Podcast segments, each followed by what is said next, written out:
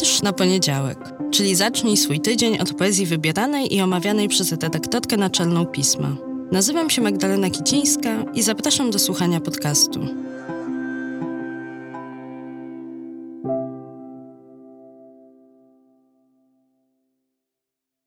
Cykl powstaje we współpracy ze Staromiejskim Domem Kultury. Cześć, dzień dobry, dobry wieczór. Nie wiem, czy u Was też będzie jeszcze, kiedy tego słuchacie, śnieg za oknem, ale u mnie tutaj na Grochowie dzisiaj, kiedy z Kubą nagrywamy, jest Winter Wonderland, taki biały, cichy, spokojny, piękny świat. Dziwne to wszystko, chociaż no nie dziwne, bo kwiecień plecień, więc wszystko jest w normie i śnieg o tej porze roku też, ale dziwna jest jakaś taka niewinność i no właśnie czystość świata za oknem, na przekór tego, co się wydarza, co się cały czas dzieje dookoła nas. A w związku z tym, co się dzieje, czyli z wojną, ja bym dalej chciała pozostać w tym nurcie opowiadania Wam i sobie też, dzielenia się z Wami i ze sobą ukraińską poezją, poznawaniem jej, bo mówiłam to już wiele razy w ostatnich tygodniach. Źle mi z tym, że z tej okazji, okazji, z tego powodu to się wydarza, ale lepiej może późno niż wcale i może ważne jest poznawanie jej dzisiaj, ważniejsze niż czy równie ważne, na pewno nie mniej ważne niż poznawanie jej wcześniej. A dzisiaj, nadrabiając zaległości, chciałabym opowiedzieć parę słów o Wasylu Stusie, poecie, którego fragment poematu znajduje się w kwietniowym piśmie, a kwiecień właśnie się zaczął, ale poecie przede wszystkim ważnym chyba dla zrozumienia w ogóle ukraińskiej poezji po 1945 roku, ukraińskiej poezji drugiej połowy XX wieku i ukraińskiej poezji, która, a cały czas tutaj w tym podcaście do tego wątku wracam, jest bardzo o wolności. No właśnie, Wasyl Stus jest uznawany, określany jako ten najwybitniejszy może poeta drugiej połowy XX wieku, a urodził się w 1938 roku w małej wsi Rachniwka na Podolu, czyli w obwodzie winnickim, ale niedługo potem jego cała rodzina musiała się przenieść na wschód do Doniecka, który wówczas nazywał się Stalino. Najprawdopodobniej z powodu donosu na rodzinę i to właśnie w Doniecku Stus zaczął swoją karierę, swoją drogę literacką i też społeczną, bo w jego biografii te dwie przestrzenie, literatura, poezja, ale też przekład literatury i prozy i zaangażowanie społeczne i bardzo mocne zaangażowanie polityczne, te dwie przestrzenie, trudno je chyba oddzielić. Stus był przedstawicielem takiego kulturowego ruchu lat 60.,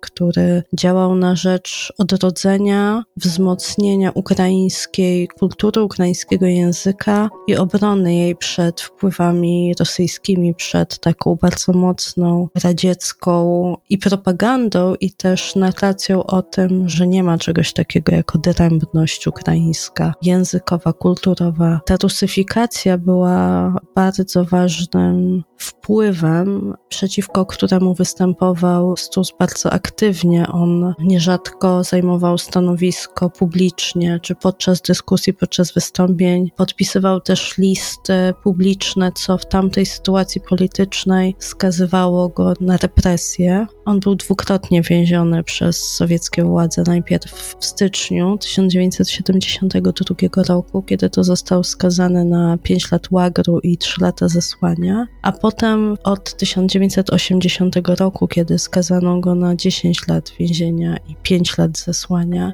I chciałabym tutaj właśnie zwrócić Waszą uwagę na te daty, na czas, o którym opowiadam. To są lata 70. i 80., czyli wydawałoby się już bardzo blisko przełomu w całym bloku wschodnim.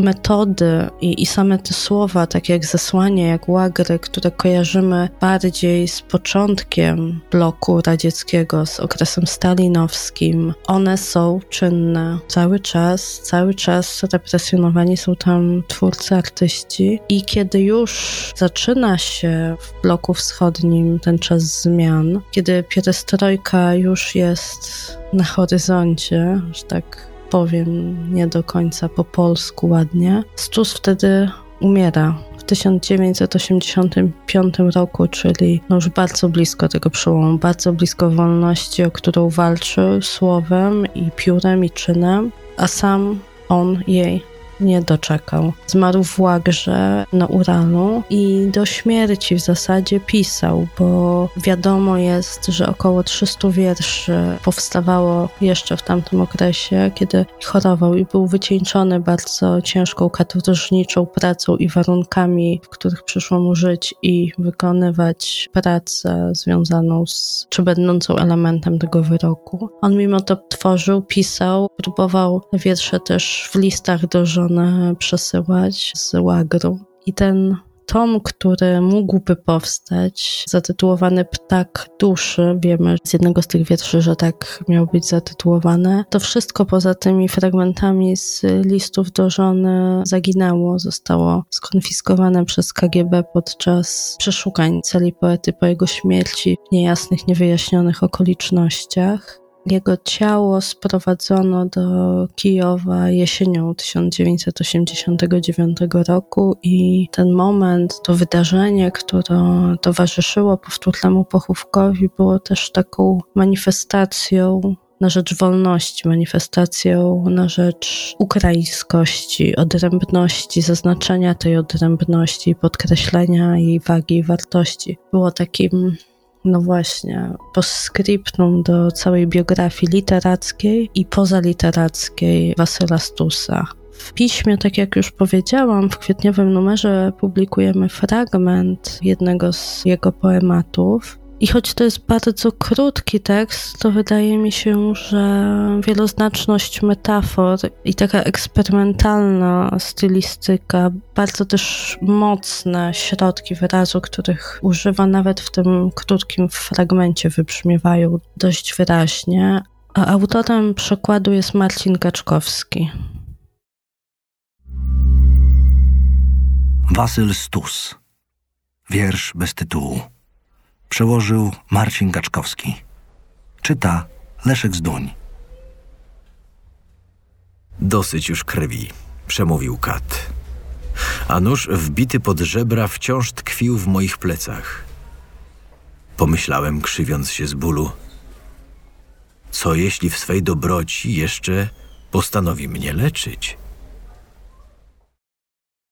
A ja jeszcze chciałabym Wam przeczytać inny wiersz Wasyla Stusa, wiersz w przekładzie Wiktora Woroszylskiego, który pochodzi z tomu Wesoły Cmentarz, takiego najważniejszego chyba tomu dla zrozumienia, dla poznania poezji Wasyla Stusa, który w języku polskim można czytać i dzięki przekładom poznawać. Ta książka jest dostępna tylko w formie elektronicznej, tak jak przeglądałam różne miejsca z książkami. Mnie się nie udało znaleźć jej w papierze, ale zachęcam do takich poszukiwań. A tym, którzy są w Warszawie, bywają w Warszawie, mieszkają w Warszawie, mam nadzieję, że po tym podcaście już nie będzie obce to nazwisko, jeśli je zobaczą na przykład na rogu Alei Niepodległości i ulicy Stefana Batorego, bo tam w Warszawie od kilku lat jest skwer imienia Wasyla Stusa. Mijałam go wiele razy, bo od kilku lat już, wydaje mi się, już od paru ładnych lat ten skwer jest właśnie poświęcony jego pamięci. Dla mnie to było tylko imię i nazwisko. Bardzo, bardzo długo niestety nie mówiło mi nic więcej. Więc tę lekcję odrobiłam i może też komuś się ten podcast przyda jako taka lekcja i następnym razem już będzie wiedział, że to imię i nazwisko, że za nim stoi poeta, poeta ukraińskiej kultury, języka, wolności, który za tą bezkompromisową wierność dla języka i dla wolności właśnie zginął na Uralu. Ani się spodziewasz już, ani czekasz. Nareszcie jesteś wolny, wolny, wolny. Wygnaniec z własnej woli? Czemu zwlekasz? Niech listy spłoną w ogniu, w ogniu, w ogniu. Niech wietrze spłoną, spal je bez litości. Niech się spopieli górny duch zuchwały. A teraz ruszaj. Kurzem bezdomności wędrówka twoje przypruszy sandały. Co jutro? Jakiś dzień i strawa jakaś. A co, jeśli nie będzie dnia i strawy? Zginiesz wygnańcze na swych krętych szlakach, do śmierci włócząc się na chybił trafił. Cykl powstaje we współpracy ze Staromiejskim Domem Kultury.